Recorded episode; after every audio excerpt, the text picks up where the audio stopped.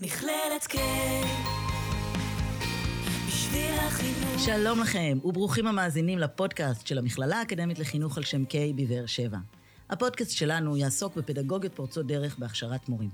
נשוחח, נלמד ונאזין למומחים ואורחים שפיתחו תוכניות פדגוגיות ייחודיות חדשניות, המייצרות תהליכי הכשרה המותאמים לעולם המחר, לדור המורים והתלמידים החדש ולמגמות העתיד. נאחל לכם האזנה נעימה והתבוננות מחודשת על הזמן והמרחב בכיתה, בבית הספר ובעולם החינוך כולו. נצא לדרך. מכללת K, מכללה אקדמית לחינוך והוראה בדרום. ניסיון אקדמי כ-70 שנה. מכללת K, בשביל החינוך. שלום לכם, מאזינות ומאזינים, איזה כיף ששבתם אלינו. היום אני מארחת באולפן חברה יקרה ואהובה במיוחד, שני סגינור רם, שהיא מנהלת תוכנית שבילים במכללת K, וגם מרצה ומדריכה פדגוגית בחינוך הבלתי פורמלי. ברוכה הבאה, יקרה. שלום! איזה כיף שאת פה, זה ממש... אה, מרגש? ממש מרגש. אז היום אנחנו נדבר על כמה נושאים אה, שאני חושבת שיכולים לעניין כל איש אקדמיה באשר הוא, אה, כי כולנו אנשי החינוך שואפים לייצר אה, חדשנות והתאמה לקהל היעד, ובעיקר הגשמה והשפעה. אה, היום אנחנו נדבר על תוכנית שבילים, ואנחנו נתחיל קצת בנתונים, תספרי לנו מה, מה, מה זה התוכנית הזאת, מה זה תוכנית שבילים. אז תוכנית שבילים אה, קיימת במכללת K בשיתוף ככה פעולה מאוד יפה עם המכון הדמוקרטי כבר 11 שנים, וזה שיתוף פעולה מדהים שמביא ככה אקדמיה ושטח לעבוד ביחד. יש לנו משנה א' עד ד' 160 סטודנטים, אבל יש לנו כמעט 500 בוגרים בדרום שפעילים, מביאים פריצות דרך ככה גם בעולם של החינוך הפורמלי, אבל גם בחינוך הבלתי פורמלי. ואני חושבת שאפשר להסתכל על האפקט הזה של להסתכל מה הבוגרים רגע כבר עושים בעשר שנים שכבר עברו, ולא רגע בשנה האחרונה פה שאנחנו משלימים אותה, ואז כבר להבין מה האפקט של תוכנית ייחודית פורצת דרך, שאמרת שהיא מעניינת את האקדמאים, אני רוצה גם להגיד, היא מעניינת אנשי שטח, מנהלים שחסר להם עובדים, חסר להם השתכללות של עובדים, פיתוח של עובדים, ופתאום אנחנו רגע המקור לדבר הזה. אז בדיוק את אה, מדייקת אותנו כדי שנציג רגע את מטרות התוכנית ונספר למאזינות ומאזינים שבשנת 2012 אה, ביחד עם שותפים מהמכון הדמוקרטי אה, בהובלת הנשיאה לאה קוזמינסקי ואייל רם בעצם יצרנו את התוכנית הזאת. אני זכיתי להיות ביחד עם צוות של 12 מרצות ומרצים ולהקים את התוכנית, שהמטרה שלנו הגדולה הייתה בדיוק, ה, בדיוק הדבר הזה שהזכרת, חיבור בין אקדמיה לשטח, להכניס את הכלים וההצלחות של החינוך הבלתי פורמלי לתוך הפורמלי, אה, לייצר אקטיביזם, לייצר אה, יזמות, לייצר רשת של אנשי חינוך פורצי דרך. ואפילו אה, לייצר פדגוגיה חלופית. באמת לקחת את הנושא של פדגוגיה חלופית, פדגוגיה, אה, מה שנקרא חוויות למידה משמעותיות, אפילו כתבנו על זה ספר, ספר שנקרא חינוך מבוסס מקום, שבילים לחינוך מבוסס מקום בהוצאת מכון מופת, אה, שכמובן כולם אה, מוזמנים אה, להגיע אליו ולראות את הדברים ממש כתובים. אז באמת הייתה לי הזכות בעניין הזה, אבל בואי נדבר קצת על ההווה וגם קצת על ההיסטוריה, אבל הרוב על ההווה. ספרי לנו מה מיוחד בפדגוגיה של שבילים, מה, איזה מגמות עולמיות מתרחשות ש... הפדגוגיה הייחודית בתוכנית באים לידי ביטוי. אז אני חושבת שזה יהיה נכון גם לדבר על הייחודיות, ואז גם אולי טיפה להראות רגע אפילו נתונים, כי סוף סוף עשינו סקר לבוגרים, ואנחנו יכולים רגע להגיד מה האפקט, מה ההשפעה. אוקיי, אתה עושה משהו מיוחד, אבל תכננת, והנה את היית מקימה, ואת ניהלת את זה בשנים הראשונות, וניסית והתאמצת. מסתכלים כמה שנים אחורה, מה האפקט? וכשאני מנסה להסביר מה הייחודי בשבילים, הוא תמיד נובע על שתי שאלות מאוד מאוד מאוד משמעותיות, על המה שמיוחד שאנחנו נותנים, אבל גם על האיך המיוחד שאנחנו נותנים. זאת שאלה חינוכית חשובה, שבן אדם צריך להגיד לא רק מה הוא רוצה לתת, אלא באיזה אופן הוא עושה את זה. אז במה שלנו אנחנו כאילו נותנים משהו שהרבה מוסדות נותנים, אנחנו נותנים תעודת הוראה, תואר ראשון, אנחנו נותנים שלוש התמחויות, חינוך בלתי פורמלי, היסטוריה, גיאוגרפיה, על פניו רגיל. תעודת הוראה, תואר ראשון, תעודת עובד חינוך. אבל בעצם, אנחנו עושים פה כבר במה זה שילוב מאוד מעניין, כי בדרך כלל חינוך בלתי פורמלי לא נלמד יחד עם הוראה. אז זה כבר שילוב אחד מאוד פורץ דרך, מגיעים אנשים שרוצים את זה או רוצים את זה, ופתאום הם מכירים את הצד השני, מכירים את הידע ואת התוכן ואת האופנים של הצד השני, ומתחילים לערבב. אז זה דבר אחד. אני חושבת שדבר שני נובע בייחודיות שהמכון מאוד מאוד טרח ככה להצליח להכניס לאורך השנים בתוך התוכנית הזאת, וזה החממה. חממה היא תוכנית ייחודית לאורך התואר, היא גם קבוצה וגם ליווי פרטני, שלאורך כל התואר כל סטודנט מקבל, כי הוא צריך להצליח לזקק מה הזהות החינוכית-חברתית שלו, והחממה כקבוצת מראות עוזרת לו גם להבין מי הוא, מה הוא, מאיפה הוא הגיע, מה הוא רוצה להיות, איך הוא יגיע לשם, איך החממה עוזרת לו. והליווי הזה שחוממת, שזו מילה שהומצאה אצלנו, מצליחה רגע לראות את ההתפתחות שלו לאורך התואר ולעזור לו לדייק ולאתגר אותו ולהעלות לו ציפיות ואפילו לבקר במקום העבודה שלו, ללוות אותו בתוך ה-360 שלו, מאוד מאוד מאפשר גם לקבוצה הזאת להיות קבוצת עוצמה ולקחת אותה אפילו אחר כך. גילינו בסקר בוגרים, הנה איזה טיזר קטן, גילינו ש-38% מהם, אחרי שסיימו את התואר, הם נמצאים בתפקידים שלהם, לקחו את החממה ומביאים אותה למודל אצלם בארגונים, בתוך בתי ספר, בתוך עמותות. אז בואי רגע אה, אה, נחדד למאזינות והמאזינים שלא מכירים את המונח הזה. בעצם חממה זה קורס אקדמי. קורס אקדמי שהוא פרוס על פני ארבע שנים, בכל אה, שנה שתיים או שלוש נקודות זכות, שעתיים שבועיות, שבעצם כמו שהזכרת, מתרחש גם תהליך של דיאלוג בין העמיתים בקבוצה, גם דיאלוג עם המרצה, גם דיאלוג עם הסביבה החיצונית.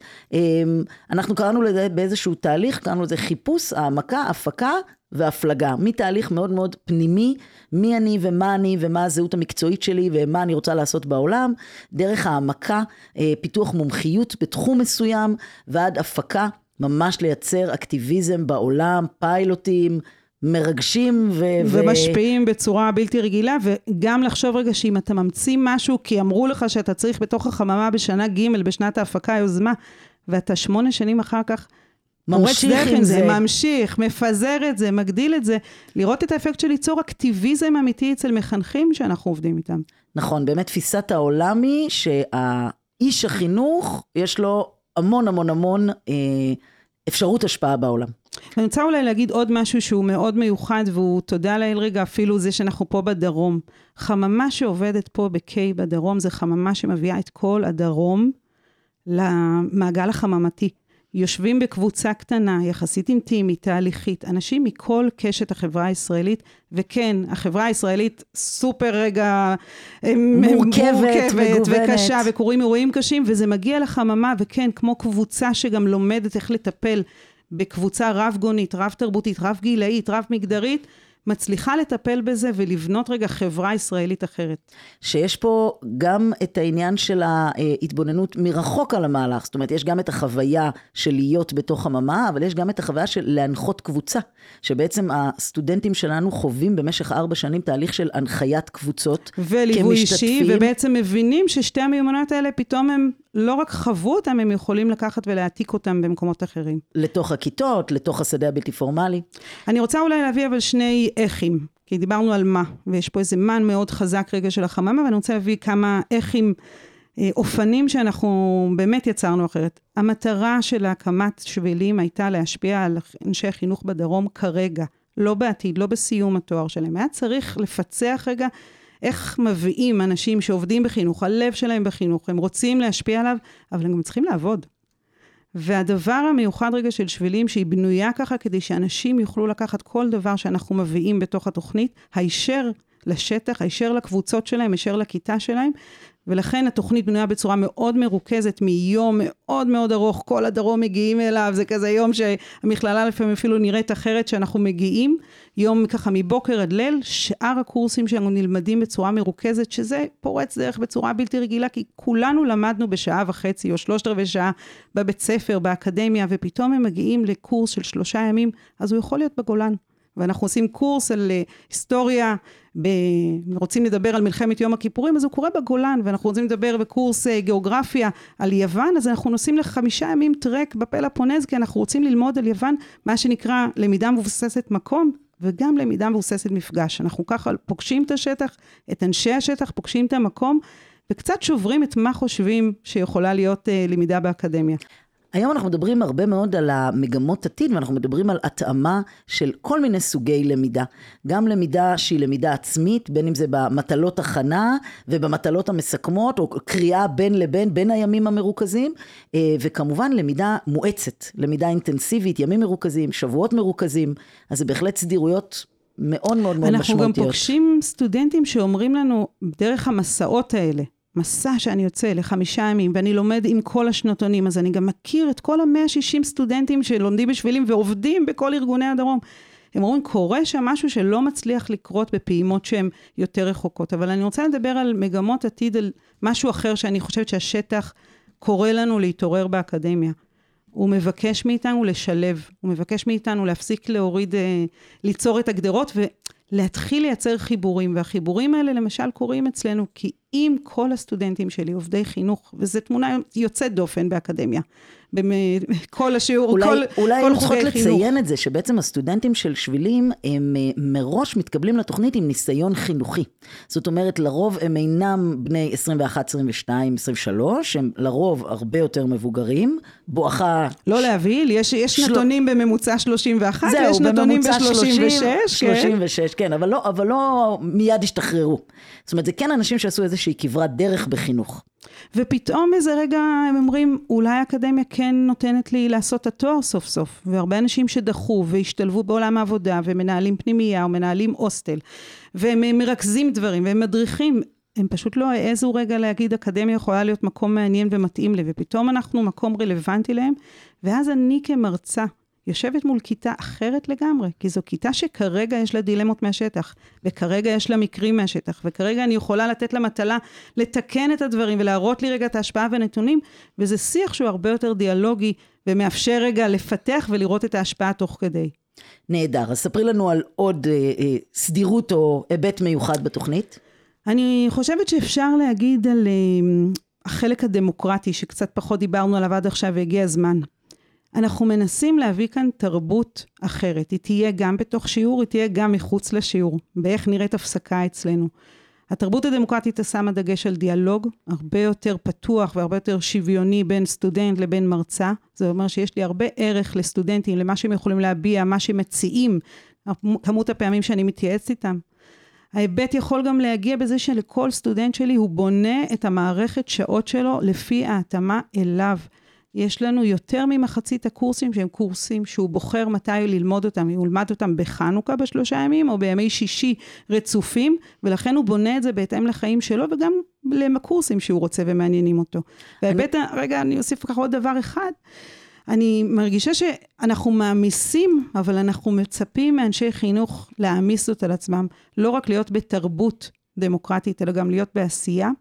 אז אנחנו כן מעמיסים עוד על היום לימוד, ועדות, ועדה של מערכת של סטודנטים שהם פעילים, אה, ועדה שקולטת סטודנטים אחרים, ועדה שהיא נציגון, שהיא נציגות של כל הסטודנטים שיושבת מול הצוותנון, שהוא הצוות המנהל של התוכנית. זאת אומרת, מעמיסים עוד אופנים דמוקרטיים, כי אנחנו רוצים שהם יחוו דמוקרטיה ויוכלו להביא אותה הלאה.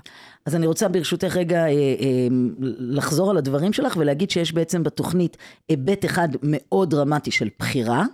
זאת אומרת שכמו שאת אומרת, הסטודנטים יכולים לבחור בעצמם, שזה באמת אלמנט דמוקרטי משמעותי, והאלמנט הנוסף זה האלמנט ההשתתפותי. כשאנחנו מדברים בעצם על לחוות דמוקרטיה, להיות אזרח פעיל, לא רק לדעת שאיזה מישהו הלך למועצת תלמידים, אלא ממש אה, כל סטודנט וסטודנטית, יש להם את האפשרות ממש להשפיע על מבנה התוכנית, אה, אופן התוכנית. יש בעצם בתוך, התוך, בתוך, יש ככה מין יום כזה מרוכז, שאנחנו היינו מציעים, אני... יום מת... דל? יום דל, כן, אנחנו קוראים לזה דמוקרטיה, הלכה למעשה.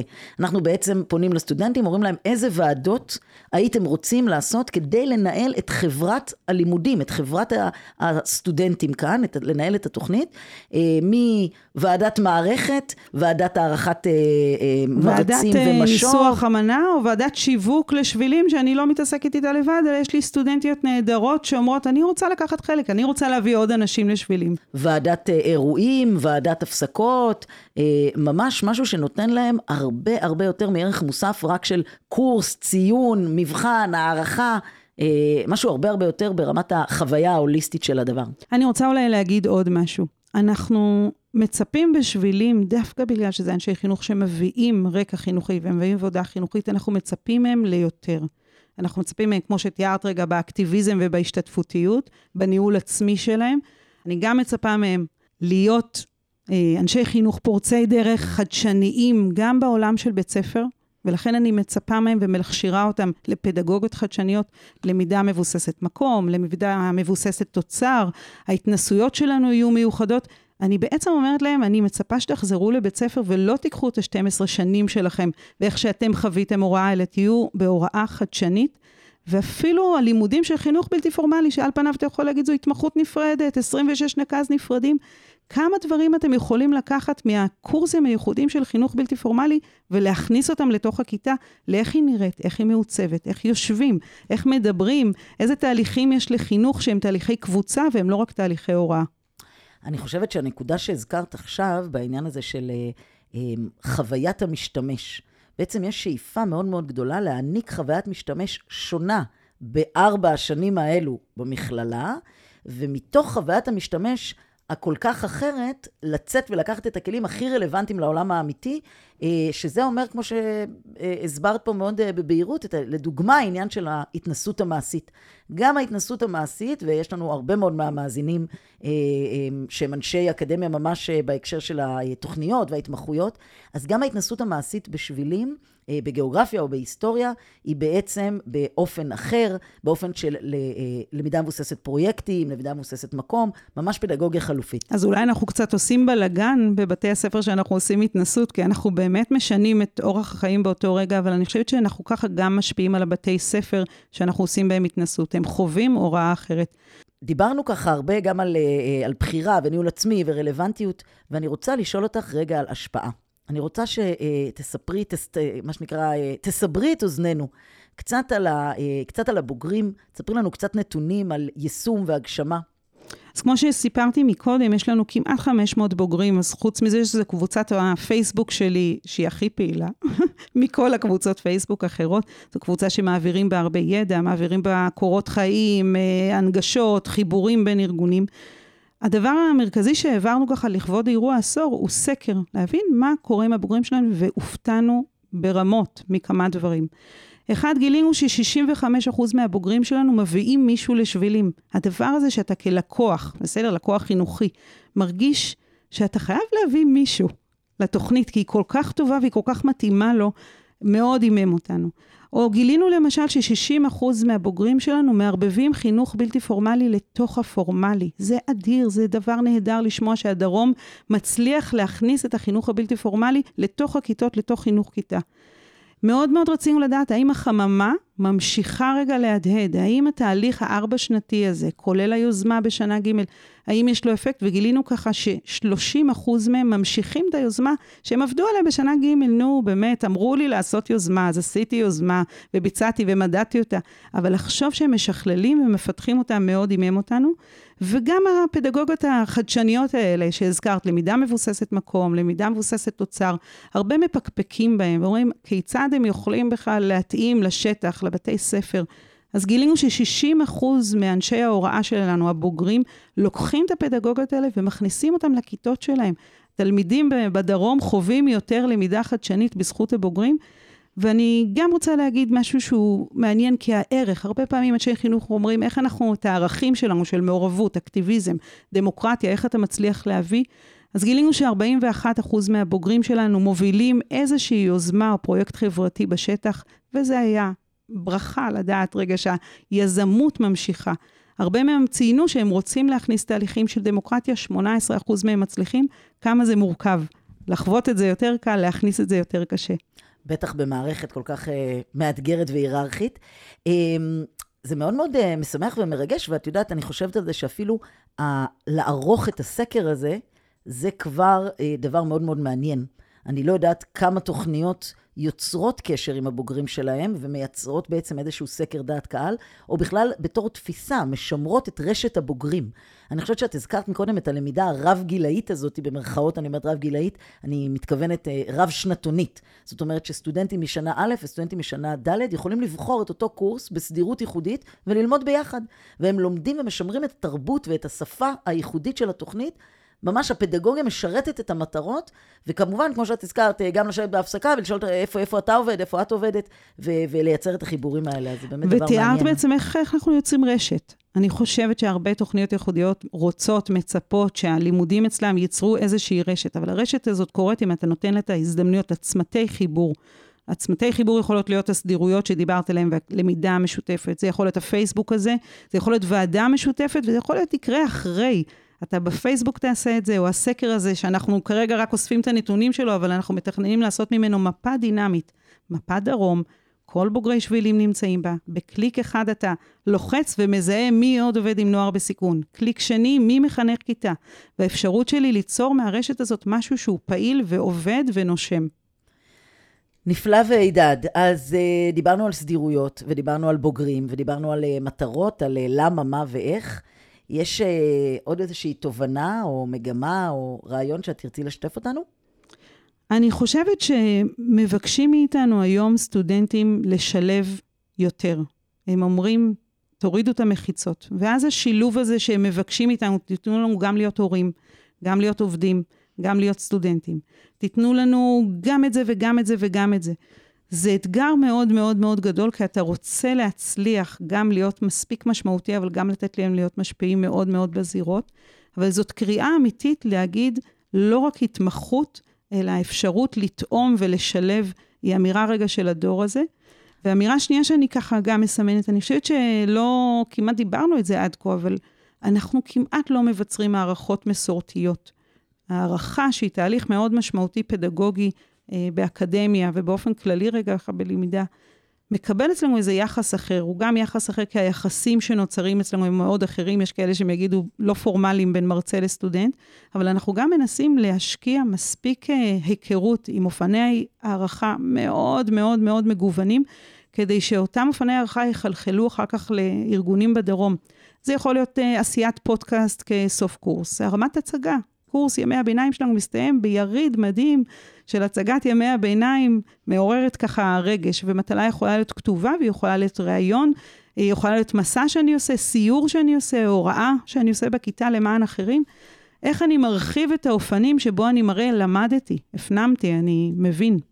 אני חושבת שאנחנו, אה, באמת יש כאן ראייה אחרת על הסטודנט. זאת אומרת, כמו שהתחלת לומר על העניין הזה של הגיוון והכלה, אז יש כאן באמת הבנה שהסטודנטים שלנו הם אנשים מאוד מאוד מגוונים, ויכולים לבטא את היכולות שלהם במגוון דרכים עשירות ורבות, אה, וזה באמת מאוד מאוד, אה, מאוד מעניין ומרתק, וכמו שהזכרת, העניין הזה של המגמה העולמית, אה, היכולת גם לעבוד, גם ללמוד בכך וכך אחוזי משרה, גם להיות הורים פעילים, זה בדיוק זה.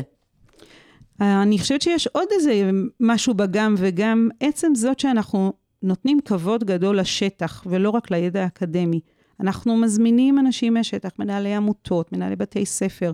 הם מגיעים אלינו לקפיצה קטנה, שעה וחצי בתוך יום הלימודים, ומשתפים אותנו רגע בעשייה שלהם. אנחנו נוסעים לסיורים. קורס היכרות עם שדה החינוך הבלתי פורמלי הוא שלושה ימי נסיעה בין ארגוני חינוך בלתי פורמלי.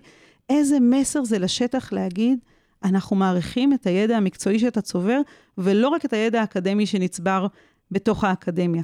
וזה מסר שהוא גם חזק, אני מרגישה שיש רעד היום באקדמיה, ושהאקדמיה שואלת את עצמה מה כוחה ומה יכולתיה. והרלוונטיות. והרלוונטיות שלה לעידן. וכן, אנחנו רלוונטיים אם אנחנו משלבים, אם אנחנו מתייחסים לקורא, לכאן ועכשיו, ואנחנו יודעים שהדרום הכאן ועכשיו שלו מאוד מאוד רגיש, הוא מאוד נפיץ גם יכול להיות. אם אנחנו מתייחסים למצבים שמשתנים, ומתייחסים להם דרך אנשי השטח ואיך הם מגיבים, איך הם פועלים עם בני נוער, עם חניכים, אנחנו מרוויחים הרבה.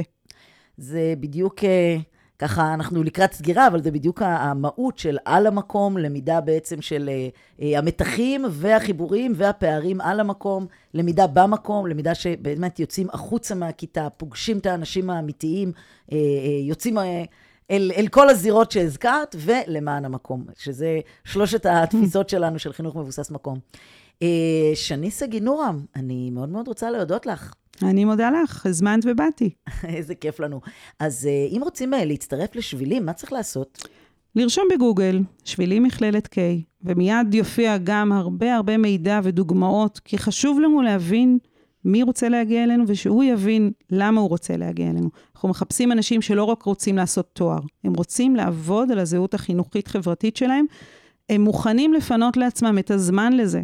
אנחנו לא נבקש את כל הזמן, אבל הם מוכנים לפנות מיקוד ולהבין מי הם ומה הם, ולכן אני אומרת, כנסו, תראו שזה מתאים לכם, ואז בואו ניפגש. זה גידי, ואם אני גרה בצפון או גרה במרכז, או פשוט עובדת במכללה אחרת, ואני לא יכולה להקים עכשיו את כל התוכנית כולה. תני לי איזה טיפ של מנצחים, איזה משהו שאני יכולה לקחת איתי מהפרק הזה ולהגיד, אולי אני אנסה אותו אצלי. אני חושבת שהשותפות שהזכרנו ככה בתחילת הפרק פה, על, אה, עם המכון הדמוקרטי, מאוד מאוד יצרה את החדשנות והפתיחות, גם של מכללת K וגם של המכון, להגיד, בואו נעשה את זה ביחד, נביא את הכי חדשני, ניצור את החדש והאמיתי, וקצת נפרוץ את הסדירויות שאנחנו רגילים להם. והדבר השני, אני מרגישה שמאוד מאוד מוליך בשבילי אהבת הלמידה. ואם הערך של אהבת למידה נמצא אצל המקימים, והוא לוקח אחריות, אחריותי לאהב את הלמידה של הסטודנטים שלי, את הידע, את האופנים, זו אחריותי לאהב, אחריותי לא להעביר את הידע. להעיב, לא, לא, לא, לא רק להעביר ידע. אני חושבת שזה שני מפתחות מאוד מאוד חזקים, שיש שם איזו אחריות לאהבה ויש שם אחריות לשותפות. אני חושבת שיש גם אלמנטים שבאמת כל ראש תוכנית בכל ארץ ישראל, בכל התמחות, אה, יכולים ליישם. זאת אומרת, היכולת אה, ללמד בכמה אופנים, אה, להפוך קורס לסדירות, למה שאנחנו קוראים בסלנג אה, למידת בינג', למידה מואצת, היכולת לקחת ולייצר בחירה, זאת אומרת, לייצר יותר קורסים מהאפשרויות הרגילות, וברגע שפותחים את השנתונים, ויש הרבה מאוד מועמדים לאותו קורס, לא רק מחולק לשנתונים, אז אפשר לייצר הרבה בחירה. לשלב שטח, ליצור דיאלוג אחר עם סטודנטים. אולי סטודנט יכול לבחור מתוך כמה אופני הערכה, מה יהיה אופן הערכה הכי מדויק. לא? אז יש הרבה דברים שבאמת, לדעתי, ואני שמחה לשמוע שגם לדעתך, ממש ניתן לקחת מחר בבוקר וליישם אותם. ממש כך. וזה ללא ספק, אה, זו ללא ספק מטרת הפודקאסט שלנו, אה, לעורר השראה אה, ולייצר באמת אפשרויות ומגוון רחב של אלטרנטיבות. אני רוצה מאוד מאוד להודות לך.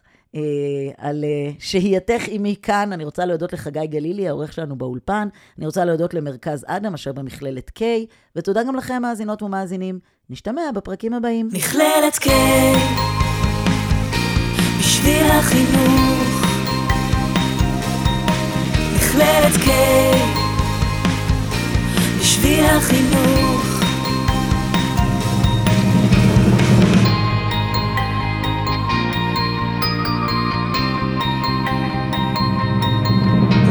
את קיי בשביל החינוך.